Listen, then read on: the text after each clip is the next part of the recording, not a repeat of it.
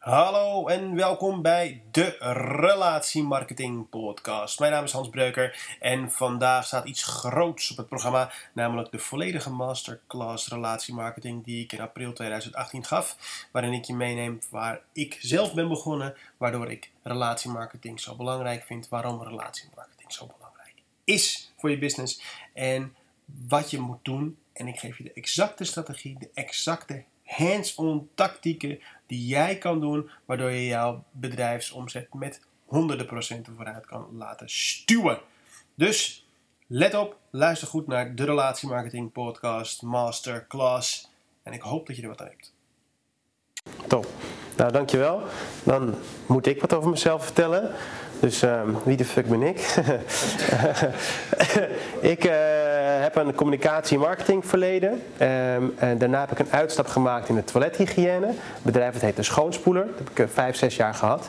En um, dat bedrijf concentreerde zich in eerste instantie op één machientje in het toilet. En um, omdat wij zo erg ons best deden bij die relaties, uh, leerde ik dus de waarde van uh, relatiemarketing. En eigenlijk hoe je van één relatie, van een machientje wat eigenlijk maar 12,50 euro per maand opleverde, naar een bedrijf wat uh, meer dan een miljoen omzet deed in Amsterdam. Dus um, waar we heel erg succesvol in waren, was dus uiteraard natuurlijk dat het een goed product was, dat we hele goede service leverden, maar dat we vooral heel erg in die upsell bezig waren. Dus toen hadden we, onszelf, we eerst bewezen. We kwamen iedere maand langs voor die refill. De machientjes zagen er altijd mooi uit. En op een gegeven moment bedachten we, hadden we iets van 500 klanten in Amsterdam. Dachten we, nou, wat kunnen we nog meer leveren aan deze klant? Toen begonnen we met zeepjes. Hadden we dat gedaan. En naast ons acquisitietraject. Daarna gingen we naar, die, uh, uh, naar de cross-sell, gingen we naar het toiletpapier, de handdoekjes. En zelfs op een gegeven moment naar uh, keukenartikelen. Dus we begonnen met, met een klant van 12,50 euro uh, per maand. En sommige klanten leveren daarna wel 1000 euro per maand op. Dus dat is zeg maar de waarde van die relatiemarketing die je kan doen. En omdat je dus iedere maand daar, wij daar fysiek waren, en soms al wekelijks waren we altijd top of mind. En um, uh, daardoor is mijn uh, fascinatie met relatiemarketing gegroeid. En ik wil dat illustreren aan, aan het, aan, aan, door een verhaal te vertellen over Jeroen. Jeroen is een man van eind 20. En Jeroen um, is wel klaar voor een relatie. En Jeroen die uh, ziet op social media ziet hij echt zijn droomvrouw. En zijn droomvrouw heet Chantal. en Chantal houdt van Italiaans eten. En Chantal heeft, heeft uh, veel vergelijkingen in zijn leven. Ze hebben uh, gezamenlijke interesses. Ze houden van uitgaan. En ze is ambitieus. Dus hij is, zij is haar zijn perfecte plaatje. Dus hij gaat zijn best doen voor haar. Hij gaat comments geven in haar Instagram-account. Hij gaat uh, zelf ook naar restaurantjes en plaatst foto's en tagt haar. Dus hij is bezig met haar te verleiden. En uiteindelijk, na een heleboel uh, uh, interactie, is hij zover om een afspraakje in te plannen met haar. Dus hij deed, doet daar alles voor. Hij trekt alle registers open. Hij gaat naar Roberto's, een mooi restaurant. En hij laat alle dingen van de kaart komen. Mooie wijnen, alles erop en eraan. En uiteindelijk zijn ze een beetje teut, fietsen ze naar haar huis, brengt haar thuis, zet natuurlijk netjes zijn fiets neer, want je kan natuurlijk niet hè, zoenend samen fietsen. Of uh, als je de fiets dus je benen dan kan je niet zoenen. Dus, uh, wel op slot, het is Amsterdam. En uh, zij gaat omhoog in zo'n mooi dingetje en jou hoor, ze zoenen met elkaar. Dus hij is helemaal blij. En ze krijgen een relatie. En um, Jeroen doet aan het begin heus nog wel een beetje zijn best. Maar eigenlijk houdt hij niet zo van Italiaans eten. Vindt hij patatje bij de Febo ook best wel lekker. En uh, uitgaan bij de Jimmy Woo, ja, dat had hij wel gezegd. hij dat heel erg tof vond. Maar ja, weet je, gewoon eigenlijk bier drinken met zijn maten en voetbal kijken in de kroeg vindt hij eigenlijk veel leuker. Dus Chantal is een beetje gedesillusioneerd, maar ze blijft bij hem, want ze hebben een mooie relatie. Op een gegeven moment dan uh, krijgt Chantal wat aandacht van Pedro. En Pedro is een echte Italiaan. En die kan echt Italiaans koken. En die heeft heel veel aandacht weer voor Chantal. En uh, op een avond zegt ze: Ja, ik wil eigenlijk uh, uh, dansen met je bij de Jimmy Woo, Jeroen. Wil je dat ook? Nou, die gaat liever FIFA spelen thuis. En wat denk je, wie is er bij de Jimmy Woo? Pedro. En Pedro pakt er helemaal in. En Jeroen is de relatie kwijt. En dat is eigenlijk in een notendop hoe bijna alle bedrijven omgaan met hun relaties. We doen ontzettend veel moeite, we trekken alles uit de kast om die klant binnen te houden. Maar is hij eenmaal binnen, poef, verwaarlozen we ze. En daarom is, is als je wil groeien met je bedrijf, denk ik dat het een hele goede start is om te beginnen bij je huidige relaties. Dus waarom is investeren in relaties de garantie voor groei en een succesvol bedrijf? 80% van je toekomstige omzet komt van je huidige klanten. Dus als je wil groeien, is het lekker om die omzet die je nu hebt mee te nemen naar volgend jaar. Dat is al lekker, dat is het begin van je omzet. Dan kan je groeien. 68% van de weglopers, dus van de mensen die niet meer, bij gaan, niet meer bij zijn, die gaan vaak niet eens weg omdat ze ontevreden zijn of omdat ze een klacht hebben, maar ze hebben geen emotionele binding met jouw merk. En daar draait het om in relatiemarketing. Ze moeten een emotionele binding hebben met jou als organisatie of als persoon. Ja, hoor, je mag, ja, tuurlijk, tuurlijk, tuurlijk. Kan je dat vergelijken met de gunfactor? Uh, ja, ja, als jij een loyale klant hebt, dan gunt hij jou je business. Dan maakt het niet zo heel veel uit als jij iets duurder bent dan je, dan je, dan je concurrent. Want zij weten dat ze bij jou goed zitten en ze, gunnen, en ze, ze hebben een emotionele band met jou. Maar die krijg je niet zomaar. Die krijg je niet alleen maar door goede service te bieden. Dat is het begin. Ja, dus um, 70% van de, van de klanten die een emotionele binding hebben met een klant of met een organisatie of met een merk, besteden ook twee keer zoveel dan een niet-emotionele klant. Dat is wel een interessant gegeven, want als je dus stuurt op emotionele binding, dan weet je dus dat je meer kunt afzetten bij die ene klant. Daarnaast, als je dan bezig bent met acquisitie, is het zeven keer duurder om een nieuwe klant binnen te halen dan een bestaande klant te behouden. En die bestaande klant besteedt, zelfs als je dus geen emotionele binding hebt, je heeft 33% meer dan een nieuwe klant. Dus voordat je een nieuwe klant op hetzelfde niveau hebt dan die oude klant die weg is gegaan, ben je dus een aantal jaar verder. En die bestaande klant is eerder geneigd om nieuwe producten bij je te kopen die je bedenkt. Als er vragen zijn, als mensen glazig zien kijken, dan hoor ik het wel. Ik heb niet zo heel veel cijfers meer hoor, dus het valt wel mee. Ja? Um, net volgens mij gaf je deep selling, hè? dus dat je eigenlijk je, je kwam voor het toilet, ja. voor de keuken spullen. Ja, ja. Krijg je dan niet een beetje, daar heb ik namelijk ervaring mee, dat uh, je komt binnen als bijvoorbeeld de wc-specialist. Ja. En je gaat op een gegeven moment ook uh, de keukenspecialist uithangen. Ja. Is dat niet een, een, uh, beetje een ongeloofwaardigheid? Of is dat... Je doet dat niet afbreuk aan je, aan je, aan je, merk. Aan je specialistische wc. Uh... Nou, het ligt eraan hoe je het brengt. Ja, dat... ja, ja, nou ja, bij ons heeft het wel gewerkt. Ja, dus als je het, hoe, hoe heet je ook alweer als, als, als bedrijf? Het vorige bedrijf? Ja. Schoonspoeler. Oké. Okay. Ja. Want dat is wel belangrijk, dat je die naam een beetje... Wat daar nee man, daar ben ik helemaal niet mee eens. Maar maakt niks uit. Dat weet je niet. Uber. Google. Ja, maar... Apple.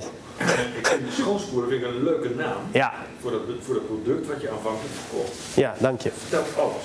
Ja, maar later, dat dachten wij dus ook. Maar later was het 80% van onze omzet kwam niet meer bij die machientjes vandaan. Maakte mensen niks uit. Ja, ja. Oké.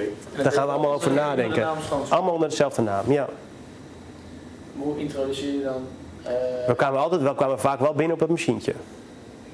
En dan later, als we ons bewezen hadden en die mensen hadden een relatie met ons en ze vonden ons aardig en we deden wat we beloofden, we waren uitzonderlijk in onze service. En ik zei, we hebben trouwens ook nog uh, keukenrollen voor in, je, voor, in je, uh, voor in je toilet. Dan zei ze, oh, nou wat kost het? Nou, doe maar dan. Dus je ging geen kraan aanleveren? Je bleef nee, ik ging geen kraan aanleveren, nee. nee. Ja, precies. Het moest wel, het moest wel enigszins zeg maar, we, gingen, we hebben ook wel eens een fout gemaakt hoor, daarin. We hebben ook wel eens ge geëxperimenteerd met uh, uh, afwasmiddel voor in de afwasmachines.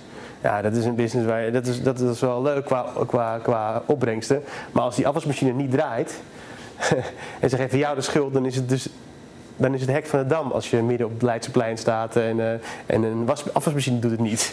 Ja, dan heb je echt een gekkenhuisprobleem. Dus daar zijn we van weggebleven op een gegeven moment. Ja, dus, uh, dus het moet wel enigszins. Maar je moet dat gewoon proberen. Maar de meeste mensen maken het te ingewikkeld uh, over de sell en de cross-sell en de upsell. Natuurlijk moet je wel je focus houden op je, op je, op je bestaande uh, producten en je klanten. En maar daarna kan je uitwaaien. Ja. Mag ik nog een vraag stellen? Ja. Pedro en Jeroen van net. Ja, Pedro, ja. Eh, want eh, in een markt waarin je een, product hebt dat wat de concurrent ook aanbiedt, snap je Ja. Pedro-Jeroen verhouding? Ja, Maar als je nou een product hebt of een dienst aanbiedt wat nog redelijk exclusief is, waar nog niet heel veel concurrentie in is, ja. hoe zie je dan die verhouding met Jeroen en Pedro? Want die dame, ik ben naam even vergeten, die Ja. niet verleid door Pedro, want Pedro bestaat nog niet, zeg maar. Er is Nee. geen concurrentie bijna. Nee, nee dus dat, dan zit je prima. Maar, jij, maar dat is het probleem met mensen die een nieuw product in de markt hebben. Ja. Die nog niet zoveel relaties hebben. Dan is je relatie... Dan is je relatiemarketing wel belangrijk. Als je je klanten hebt, moet je ze niet laten gaan. Ja. Maar je hebt weinig concurrentie, dus dat is een luxe probleem. Ja. Je hebt het goed zoeken naar problemen. Ja, nee. het is alleen maar fijn toch dat je geen, geen concurrenten hebt. Ja. Ja. Wat er, dus, is recentelijk onderzoek geweest eh, eh, waarom en hoe je loyale klanten kunt krijgen. We zitten allemaal heel erg op de rationele overwegingen. Oh, ik heb dit product, ik heb deze service, ik heb deze prijsconcurrentie, dus ik ben de beste. Maar daarin ga je dus niet winnen. Dus rationele overwegingen zijn veel minder belangrijk dan emotionele overwegingen. Dit zijn een, dit zijn een voorbeeld van de rationele overwegingen. De prijs, de promotie, de snelle klantenservice. Al dat soort dingen kun je dus eigenlijk bij wijze van spreken, poem, weggooien. Ook al is, ook al is jouw product beter, voordeliger, bla bla bla, bla heeft jouw klant een emotionele, heeft, heeft, die, heeft die potentiële klant een emotionele binding met de concurrent, maakt niks uit. Dus daarom kunnen we veel beter op die emotionele binding zitten. En dit zijn de top 10 emotionele drijfveren. Dus waarom gaan mensen, worden, krijgen mensen een band met jou? Dus het zijn wel best wel lastige begrippen hoor. Bijvoorbeeld eerlijkheid, vertrouwen, integriteit, thuishoren, zekerheid, familiariteit, plezier, dankbaarheid, compassie en verrassing. Nee, je kan het moeilijk lezen hè. Maar die eerste drie nog? Eerlijkheid, vertrouwen, integriteit, thuishoren, dus belonging. Waarom heb je dan bij die vorige sheet die bij rationele dingen? Die tellen dus eigenlijk bijna niet mee. Dus als je ziet ratio hieronder, dat is 53 in de index score, die bungelt dus onderaan. Dus al die rationele overwegingen, dus het wat, waarvan wij denken dat op basis daarvan de loyaliteit wordt gedaan. Oh ja, want deze heeft een betere prijsverhouding of deze heeft betere klantenservice. We denken dat we daarmee die loyaliteit creëren, maar dat is dus niet zo. Dus dit zijn de belangrijkste factoren. Dus dit zijn best wel, maar dit zijn lastige begrippen vind ik. Ik vind thuishoren, zekerheid, dat zijn best wel lastige begrippen om, om Ongrijpbaar. ja, het is ongrijpbaar, ja. Dus Dit is, is wel belangrijk, want kan me ook herinneren dat eh, aanbestedingen, hè, dat, dat moet dan enorm op dat rationele van de mens gaan worden gefocust. mhm, Maar we hebben wel eens gehad dat klanten die een aanbesteding moeten uit, uitvoeren, dat ze dan bij ons komen van help eens even die aanbesteding te schrijven. Ja, En dat is een positie die, eh, die door die emotionele binding wordt veroorzaakt. ja, we willen jullie, maar schrijf dan een beetje. ja, richting die kant, ja. Ja. En eigenlijk moet je daarvoor dus al begonnen zijn Ja. met deze dingen. Maar meestal zijn het al klanten. Ja, En dan ja, weet, je weet er alles van. ja, Zeker met zo'n CRM-systeem bijvoorbeeld, ja. kan je dus dingen opslaan. Ja, ja, ja. Dus we weten nu, eh, ehm, oh deze is ook nog goed, ja. 80%, dit was, vond ik, deze vond ik echt mindblowing. Dus wat jij net zegt, wat je, het voorbeeld wat jij net aanhaalt, weet je wel. Ga je dan inderdaad naar die keuken. Dus uit het onderzoek is gekomen dat als mensen een emotionele band hebben met jouw organisatie, met jouw bedrijf, dan winnen ze een grotere rol van jou in je, in je bedrijf. Wil je meer producten? Meer producten, meer advies. Ze willen, ze willen meer aandacht ook, maar vooral gewoon, want ze, ze zijn blij dat ze eindelijk een leverancier hebben gevonden die ze vertrouwen, waar ze een band mee hebben. En dan willen ze veel meer van je. Maar wij denken allemaal, ja, maar ik wil wel, ik wil niet te pusherig zijn. Ik wil niet te veel dingen die kant op duwen. Maar het, het tegendeel is dus waar. Dus wij zijn allemaal heel erg eh, beleefd en netjes. En we willen niet al meteen. Je moet ook niet in één keer een hele container eh, eh, producten op die mensen neerdenderen. Van dit hebben we ook allemaal. Het moet wel natuurlijk een stapjesgewijs, stapgewijs zijn. Maar als je eenmaal die relatie hebt, na een tijd, dus ook niet meteen na je eerste deal, oh dit hebben we ook. Dan ga je dus proberen om die uitrol te doen. Want de mensen willen het. Dus als je het niet doet, dan ben je dus eigenlijk ze tegen het been aan het schoppen. Toch? Dat is een andere mindset. Dus we hebben nu, als het goed is, een beetje besproken waarom relatiemarketing belangrijk is voor groei. Is dat voor iedereen duidelijk? Ja. Daarna, waarom is relatiemarketing belangrijk voor de groei? Waarom is de relatiemarketing belangrijk voor de groei? Voor je bedrijf? Ja, omdat je blijft behouden. Ja, precies. Ja. En we hebben ook gezien volgens mij wat de potentie kan zijn. Dus hè, van het ene product naar al die andere producten. En dat emotionele binding een belangrijkere drijfveer is dan de ratio. Om die ba- band te forceren. Dat is allemaal leuk en aardig. We zijn hier gekomen om de tactieken daarvoor te bespreken. Dus ehm, hoe doe je dat? Hoe ga je die emo- emotionele band aan? Voor klein tot grote bedrijven. Is er nog verschil wat jou betreft qua tactieken in relatiemarketing voor potentiële klanten en relatiemarketing voor bestaande klanten? Ehm, eh, ja en nee, eigenlijk niet. Nee, maar daar kom ik zo op. De tactieken zijn, en dit is de makkelijkste, en dit gaat weer in op die emotionele drijfveren, weet je wel. Dit soort, dus het investeren in emotionele binders, celebration moments, zoals verjaardagen, wanneer is je klant jarig, wanneer heb je je klant eh, eh, al een jaar, wanneer eh, is bestaat je klant vijf jaar, wanneer een opdracht voltooid is, wanneer je een nieuwe klant scoort. Als je op die momenten, als je op die moment aandacht geeft aan je klant, dan creëer je een band. Hè? Want dat komt heel erg neer op verrassing, op dankbaarheid, compassie, familiariteit. Dus dit is een hele praktische manier. Ja, Als ik soms eh, iets op bol.com bestel, hè, ja, dan krijg je van bol.com van alle webshops krijg je eh, een week voordat je jarig bent, krijg je opeens met allerlei kortingen Ja. en codes. ja. Ja, leuk dat je dat. Ja. Ik voel daar geen. Nee, want dat is sales. Ja. Goed dat je dat zegt. Ik heb daar laatst nog een blogje over geschreven. Het is, we zijn toch allemaal niet gek? Weet je wel? Als, als bedrijven dat doen, dan weten we toch allemaal wat ze willen. Ze willen omzet. Jij geeft 10% korting. Als, en je weet ook, 10% is belangen, nou niet, hun, niet eens hun marge. Dus ze willen over de rug van jouw verjaardag geld verdienen. Zo voelt dat. En zo is het ook. Ja, vind ik ook niet erg. Nee. Maar het is niet dat ik zeg van, ik heb nu een emotionele met bol.com. Nee, nee, omdat dat sales is. Als ze jou iets sturen op je verjaardag. En kijk, ik snap wel dat bol.com die heeft een miljard eh, be- gebruikers. Maar als jij op jaarbasis 2000 euro besteedt bij bol.com, waarom kunnen ze niet voor 5 euro een cadeautje aan jou geven? Het kunnen ze. Er wordt winst genoeg gemaakt. Tuurlijk, en dan kan je zeggen, eh, eh, het gaat alleen maar om de winst, maar dat is niet waar. Want jij kan net zo goed bij Coolblue, waar je wel een ka- kaartje krijgt je verjaardag. Hé Lars, gefeliciteerd. Eh, Ik hoop dat je een leuke dag hebt. Dat is wel een emotie binnen. En tuurlijk weten we allemaal, tuurlijk doen ze dat wel uiteindelijk uit een bepaald soort emotioneel gewin, of winstgevend doel. Tuurlijk. Maar het is wel leuk. Het is wel aardig. En je bouwt er wel die band mee op. Dus die verjaardagen zijn belangrijk. En als je in B2B zit, helemaal. Weet je, dan hebben we opdrachten die, waar wel honderden of duizenden euro's winst uit wordt gehaald op de lange termijn. Dus dan kan je al helemaal wat geven aan je, aan je klant. Al is het maar één keer per jaar. Ja, gevoelsmatig staat het voor mij hè, heel stom Ja. om mijn eh, zakelijke klanten een kaart te sturen. Ja, Ik heb ook wel eens over na hand geschreven, hè, ja.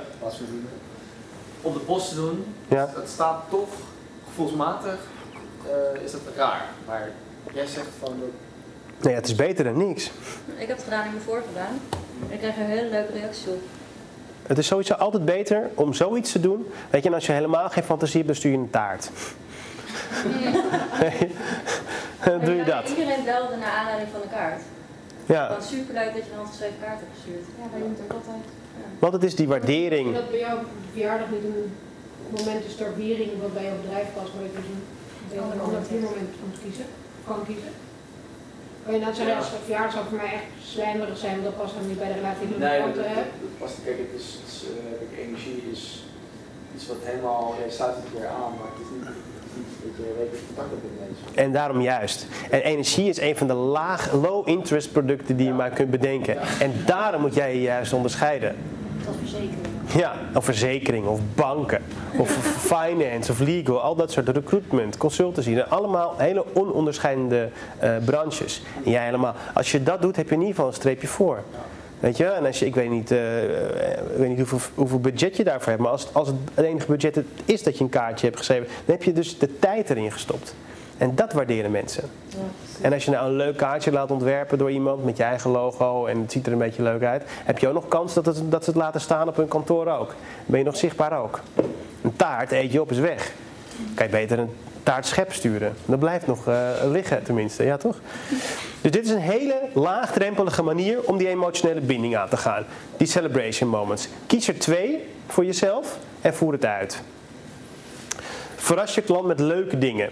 Pik bijvoorbeeld een uniek moment in je verkoopcyclus, dus bijvoorbeeld na een factuur of voor een factuur of bij oplevering, een verrasmoment of gewoon zomaar. Ik had nog gevraagd, Ja. mijn gedachten gingen nog even door over die verjaardagen. Ja, Ik heb eh, heel veel klanten in het verleden gehad die bijvoorbeeld een jaar geleden nu hebben gehad. ja, Maar die heb ik nu al een jaar niet meer gesproken of Nee. contact mee gehad. ja. Maar als ik nu alsnog een, een- een kaart stuur met een verjaardag of een weet ik wat voor moment dan ook, is dat dan niet gek voor zo'n klant om dat dan uit de bloem naar een jaar te krijgen? Weet ik niet. Het is sowieso in ieder geval de moeite om het te doen. Kijk, als je het niet doet, ben je het kwijt. Ja, ja, oké. Kijk, en een jaar gaat ook zo voorbij. Ja. Weet je, Ja, en dan denk je, oh wat leuk. Dat jij zijn haakje vindt. bedoel ik. Ja, of je kunt een leuke aanleiding bedenken. Ja, hey, het is alweer een jaar geleden dat we elkaar gesproken hebben. Wij in mijn bedrijf zitten in de lift. Ja, Zal ik je helpen je ja, ja. ja. En bij jou, Eva, is voorjaar schoonmaak natuurlijk het moment. Ja, helemaal. Ja. Ja. En dan hoeft het niet per se met een promotie, hè? Dus gewoon. Nee, maar eh, het komt natuurlijk juist los van die aanbieding of die promotie. Ja, dat is die waardering, ja. Tuurlijk kun je ook wel salesmailing sturen. Je acquisitie moet door blijven gaan. Maar als je een, e- een emotionele band wil creëren, moet je wegblijven van de sales. Zoals dat voorbeeld wat, eh, wat Lars al gaf met die 10% korting voor je verjaardag. Ja. Dus dat zijn die verrassingen, dat is die surprise. Events zijn altijd een goede manier om die, die binding met je klanten aan te gaan. Eh, eh, je, het, je verhaal vertellen, dus een inkijkje geven in je leven, weet je wel. Van, eh, en dan hoeft het niet per se die hele suffe vlogs te zijn. Nou, we zijn nu, nee, maar gewoon een eerlijk verhaal. En, en vertel ook wel eens dat je ergens moeite mee hebt of dat je een baaldag hebt. Want we prikken ook allemaal door die, door die bubbel heen van, oh, we zijn wel goed. Ehm, stel je kwetsbaar op. En betrek je klanten bij innovatie en klantonderzoek. Dus eh, vraag naar hun mening. Wat mis, je in, in mijn, eh, wat mis je in mijn product? Wat mis je in mijn service? Zou je mee willen denken over dit? Wat vind je van dat als ik dat aanbied aan je? En al, al reage- reageren er maar vijf, maakt niet uit. Je hebt in ieder geval laten weten dat je open staat voor feedback. En doe er vervolgens wel wat mee. Dat is een hele laagdrempelige manier. Vraag twee keer per jaar je klanten wat ze missen, wat, je, wat, je, wat ze nog meer voor wensen hebben. En misschien komt er wel een idee naar boven waar je nooit over na hebt gedacht. En het werkt dus bij die emotionele band. Dus dit zijn tactieken om het te doen. Mond-tot-mond reclame. Wie wil er graag dat, ze- dat er over, over zijn bedrijf gepraat wordt? Ja. Wie denkt dat mond- mond-reclame werkt? Wie denkt dat mond-tot-mond reclame beter werkt dan gewone reclame? Ja, precies. Als je mond-tot-mond reclame wil doen, moet je dat ook forceren. 63% van de bedrijven zeggen dat hun klanten komt via mond-tot-mond. Dat is echt heel veel. Maar er zijn maar heel weinig mensen, heel weinig bedrijven die iets bedenken waardoor je mond-tot-mond reclame gaat doen. Want waardoor zou je tegen anderen, tegen je vrienden gaan vertellen over een bedrijf? Alleen als je echt heel blij en enthousiast over Als je heel blij en enthousiast bent, ja, over een product, Die iets bizars gedaan hebt, een stunt of zo. ja, of een stunt, een beleving inderdaad. Of iets hebt gekregen van, die, van, van dat bedrijf waar je nooit over na hebt gedacht. Dat verrassingsmoment. Dat komt, valt allemaal samen daarbij. Dan ga je daarover nadenken. En als je top of mind bent. En dat is ook heel belangrijk. Dit is allemaal leuk. Maar wie zijn je relaties? Iber, wie zijn je relaties? Over wie gaat dit? In mijn geval, in de gym, eh, mijn relaties zijn ehm, in twee groepen. Eigenlijk drie. Dus mijn team, de, de trainers, Ja, eh, mijn leden, mensen die komen sporten, ja, en mijn zakenpartners, mensen waarmee ik eh, business heb. zeker ja.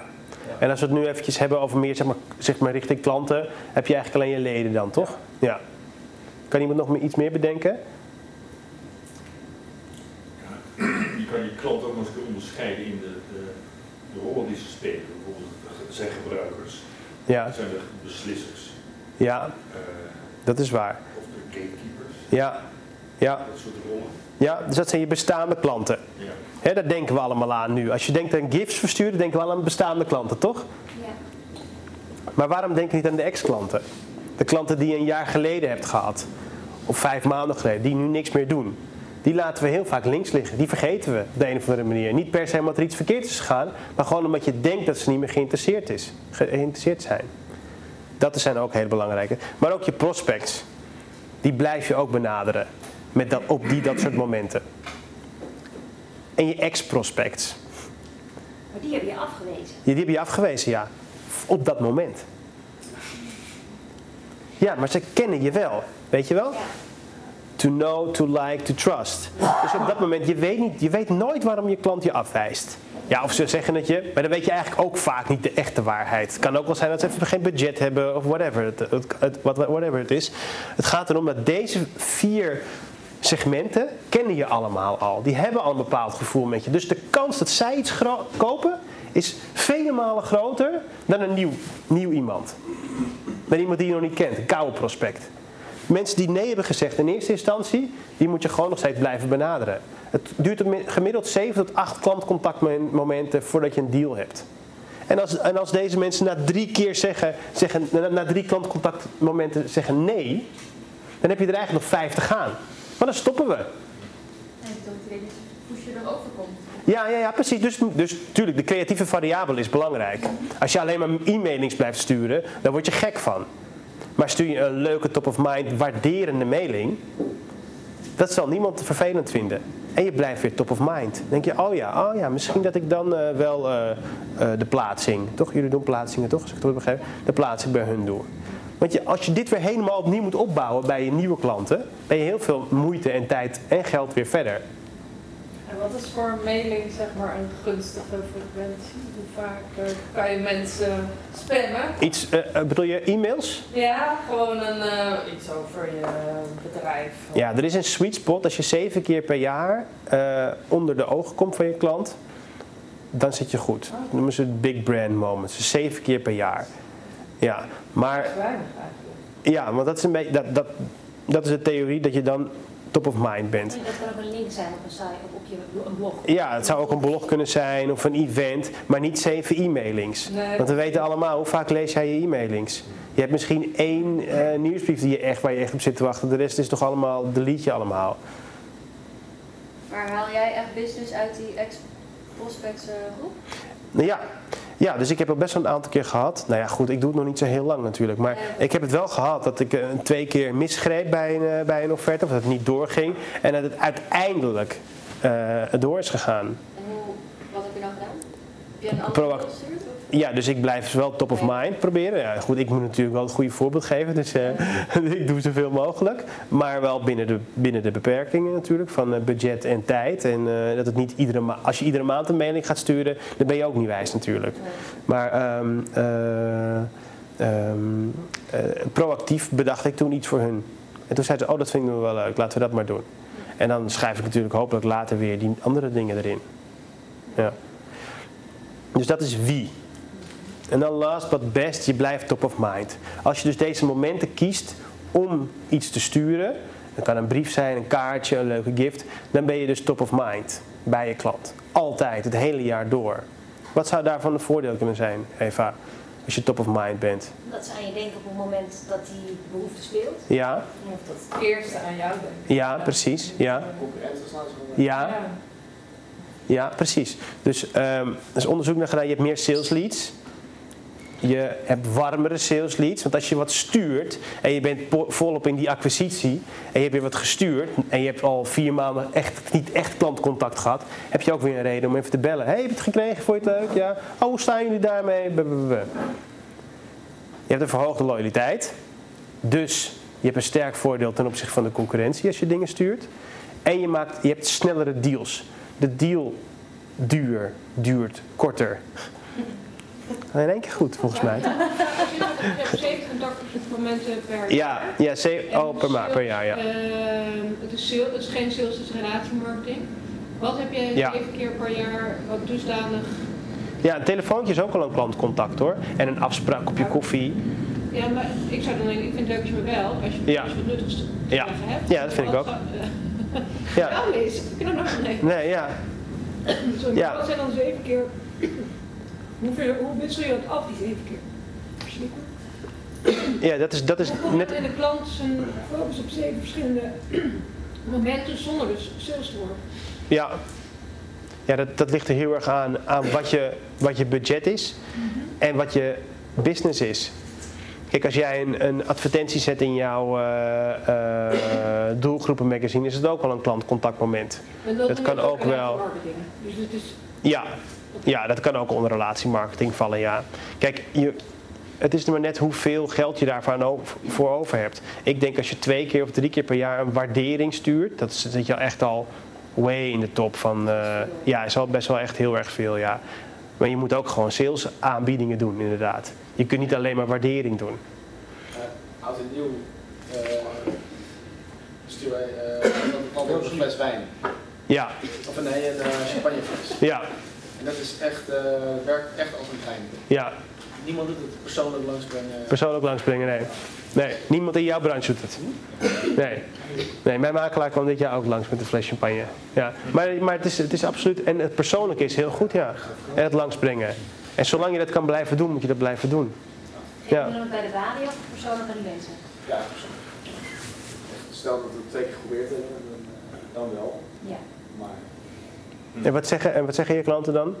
nou ja, het, gaat vaak eh, ja, leuk top en dan even een, een slap, eh, slappe oude hoer. Juist niet over, over zaken of iets. Nee. Eh, juist ja, feestdagen en Ja.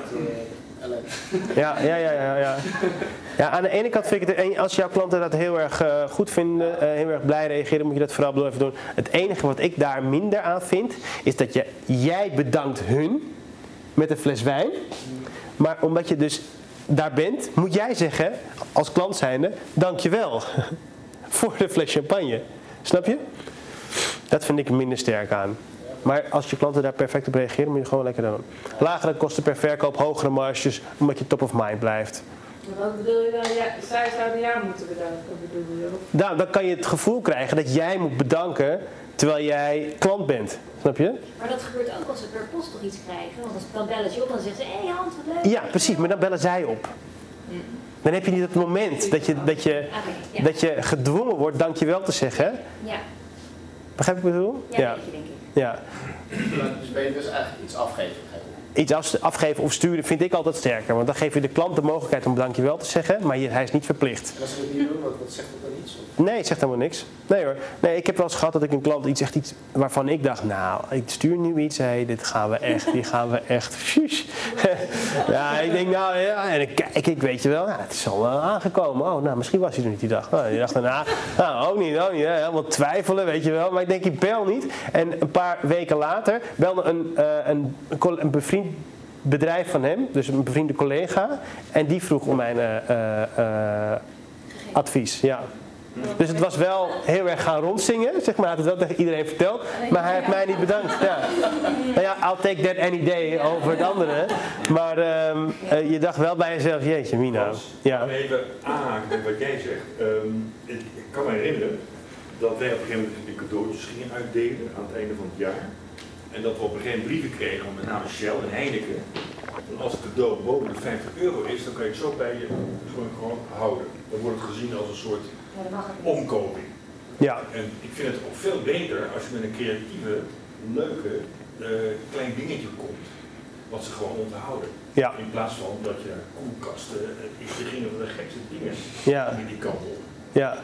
Ja, die Daar creativiteit. moet je mee oppassen. Ja, en het is natuurlijk leuk als het blijvend is. Weet je wel, zoals dat kaartje, als je dat dan stuurt, dan laat het dan heel leuk vormgeven. Laat het dan iets zijn waar, of een leuke spreuk, weet je wel, over, eh, dat weet ik veel, Richard Branson iets zegt over het milieu of over energie. Weet je wel, dat, dat blijft hangen. En dan doe je wel je logo eronder, dan blijf je nog onder de aandacht. Als, je, als, het, als het goed is. Ja, dat is leuker dan een, een fles champagne, want die gaat op.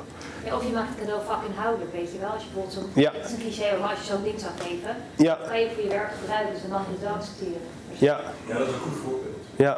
Er zijn mensen die wachten gewoon tot ze die agenda krijgen. Ja, dat is best wel zo hoor. Ja. Ze nog, anders moet je gaan kopen. Ja. Dus nu hebben we eh, eh, geleerd waarom het belangrijk is, eh, waarom je die emotionele binding moet doen, wie dan die relaties zijn. En nu moeten we het gewoon fucking gaan doen. Dus hoe doe je het? Weet je, hebt nu de strategieën en die tactieken van mij ge- gekregen. En het is super duidelijk dit. dus dit is een eh, relatiemarketingkalender. Dus om het, als je nu eh, zeg maar, mijn doel is dat jullie zo meteen weggaan. En niet dat jullie denken, oké, het was hartstikke leuk hoor, wat die Hans allemaal vertelde. Maar uh, natuurlijk doe ik mijn relaties zo hartstikke goed. Maar mijn doel is dat jullie dit allemaal gewoon eventjes gaan bekijken. Ik heb uitgeprint zelfs, gewoon fysiek. Helemaal dat je gewoon in kunt vullen. Dus wat sturen we een nieuwe klant? Als een klant klant wordt, is het mooier om iets te sturen dan bijvoorbeeld een factuur. Wanneer ze één jaar een klant zijn. Wanneer je een opdracht hebt op afgeleverd. Allemaal dat soort momenten kun je kiezen om te kijken of je daar iets voor gaat sturen. Hoeveel klanten heb je dan?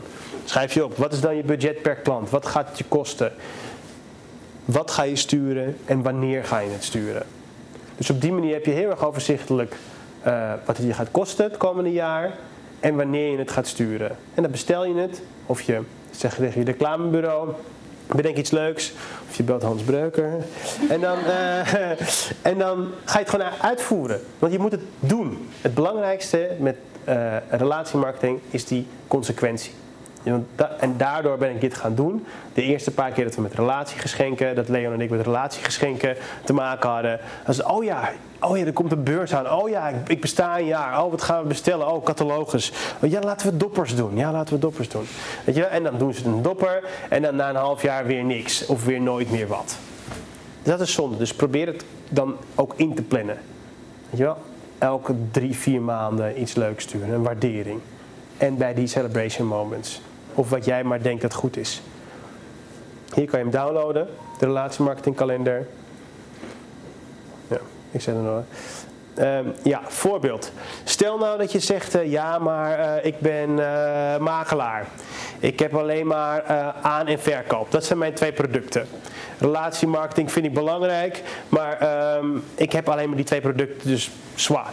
Maar stel nou, Wim, die mensen hebben een emotionele binding met jou. Ze zijn blij met jou. Die hebben ze, want dat is jou, ook jouw eh, speerpunt. Hè? Daarvoor kunnen wij het ook zo goed met elkaar vinden. maar stel nou, op een gegeven moment die deal is klaar. Die deal is afgerond, hè? Die mensen wonen in hun huis. Ja. Daar stuur jij natuurlijk wat leuks, toch? Een paar sloffen of zo, weet je wel. Ik hoop dat je je thuis voelt, toch? Zoiets, dat doe je natuurlijk wel. En dan eh, zitten ze daar. Maar dan zijn ze eigenlijk, zoals we gezien hebben, 80% wil meer, wil een grotere rol van jou. Ze zitten daar en het contact is afgelopen, toch eigenlijk? Want de deal is gedaan en eventueel in de toekomst kunnen ze nog een keertje bij jou aankloppen voor aankoop of verkoop of verhuur.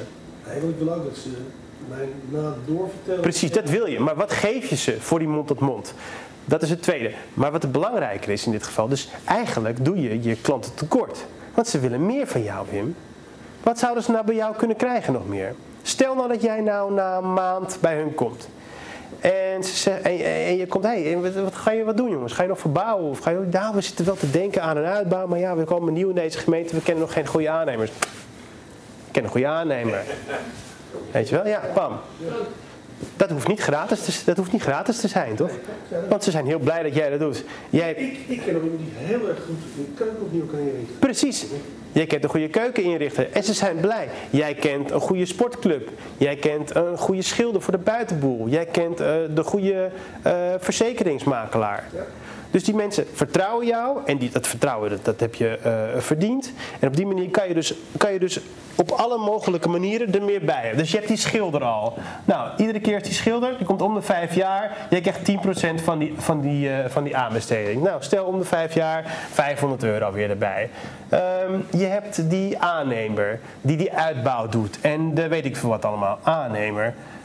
Nou, dan krijg je ook eh 5% van. Hè? De bouw is de dunner. Maar ja, 5% van 50.000 euro is, hoeveel is dat? 2.500?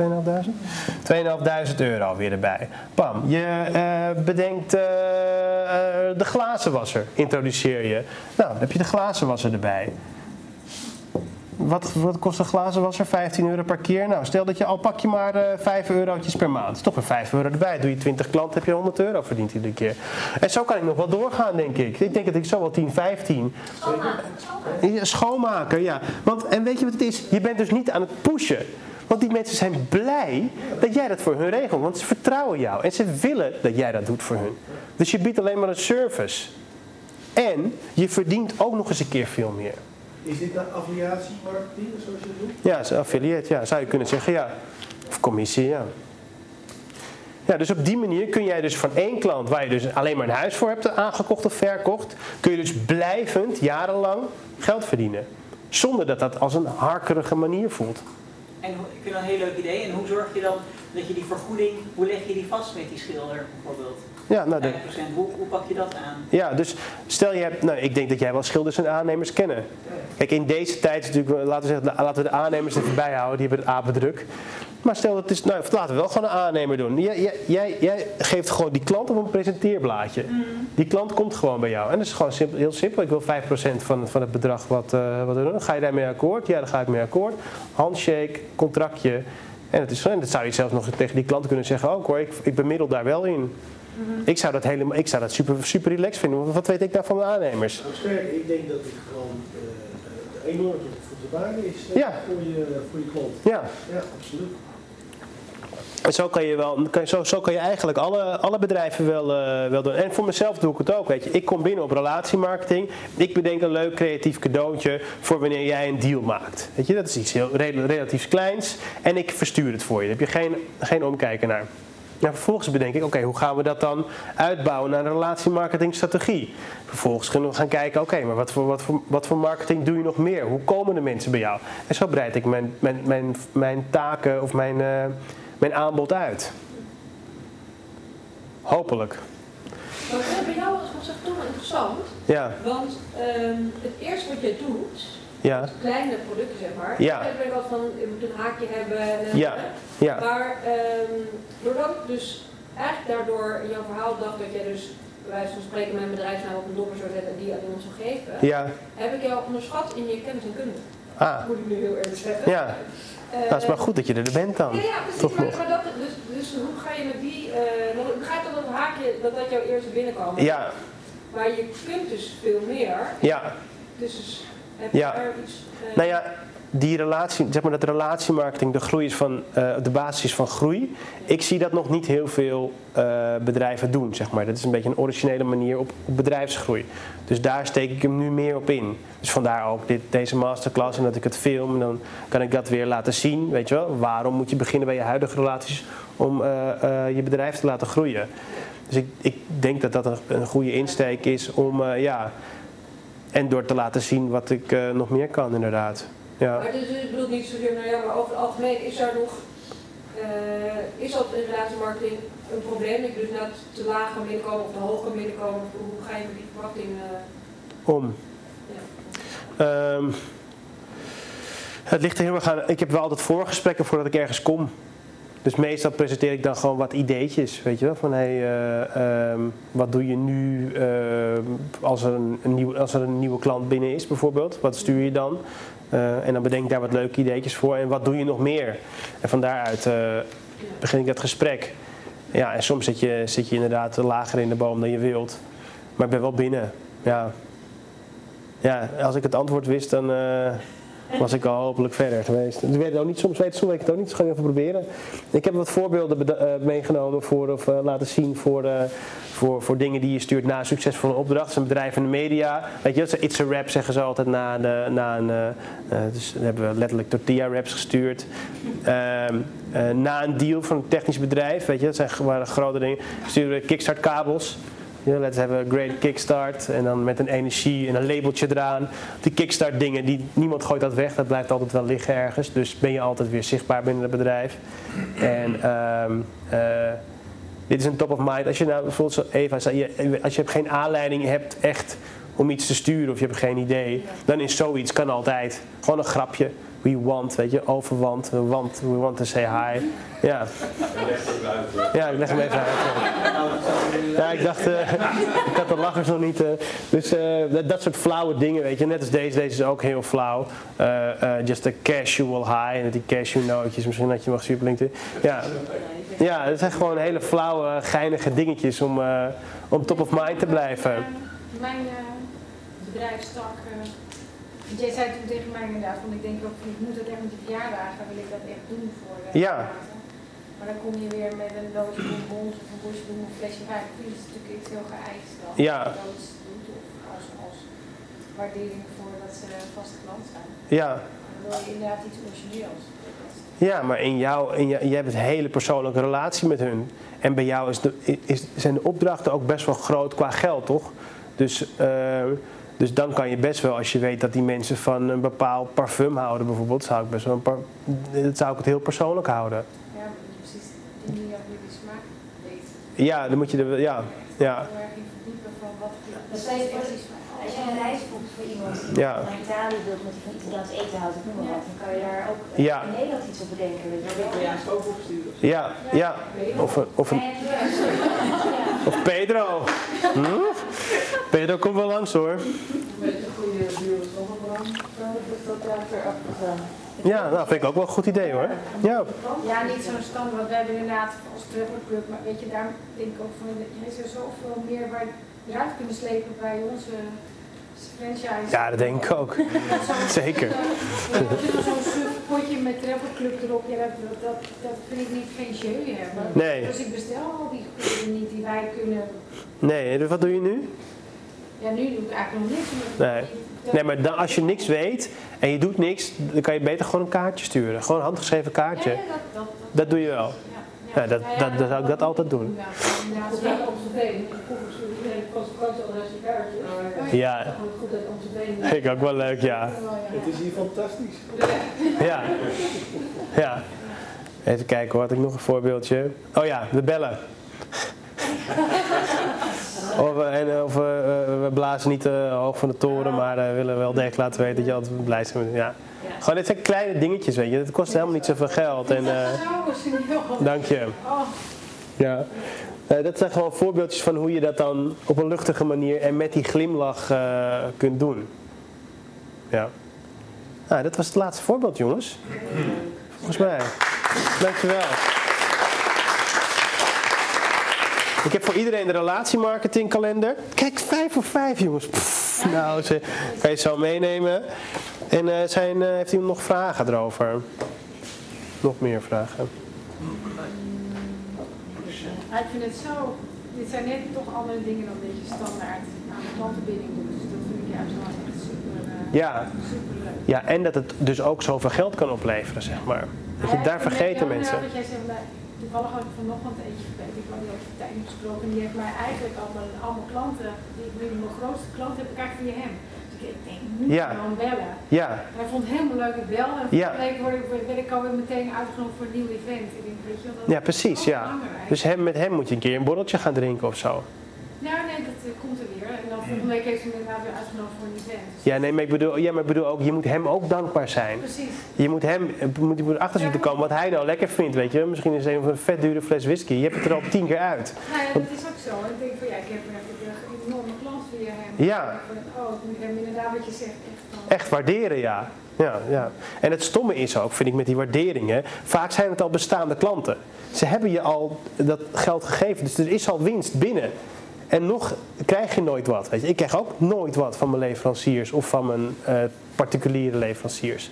Terwijl zeg maar, heel veel geld wordt geïnvesteerd om nieuwe klanten binnen te halen. Daar wordt, wordt miljoenen in, ge- in geïnvesteerd. Maar als je eenmaal binnen bent, dan, dan, dan is dat geld niet beschikbaar. Gewoon waanzin. Nou, dus bij de energie toch inderdaad ook nog steeds voordelig om een paar jaar te wisselen. Ja, Je nieuwe klanten een aanbieding. Ja. Ja. Dat doen we ook voor particulieren. Oh, Dus wij- jullie ook voor particulieren zorgen dus dat ze elk jaar weer hoppen Ja. van leverancier naar leverancier. ja. Ja. Ja. Het belang hiervan eh, te onderzoeken, mag ik dat? Ja hoor. Eh, ik ben begonnen in nou, 92 als marketeer bij een bedrijf. En ik had het probleem dat het eh, klantbestand verschoof. Het even groot. Dat verschoof. Ik kreeg steeds nieuwe mensen bij, maar aan de achterzijde verdwenen de hele klanten. En toen heb ik op een gegeven moment eh, eh, iets gedaan, dat was CRM. Dat kwam toen net op. En toen kon ik die achterdeur dicht houden. En dat heeft enorm veel geld op. Maar Hoe deed je dat dan? Dat heet, dat heet retentiemarketing. Ehm, in ieder geval, we bleven doorgaan met, ehm, met het hunten, hè, het jagen van nieuwe klanten.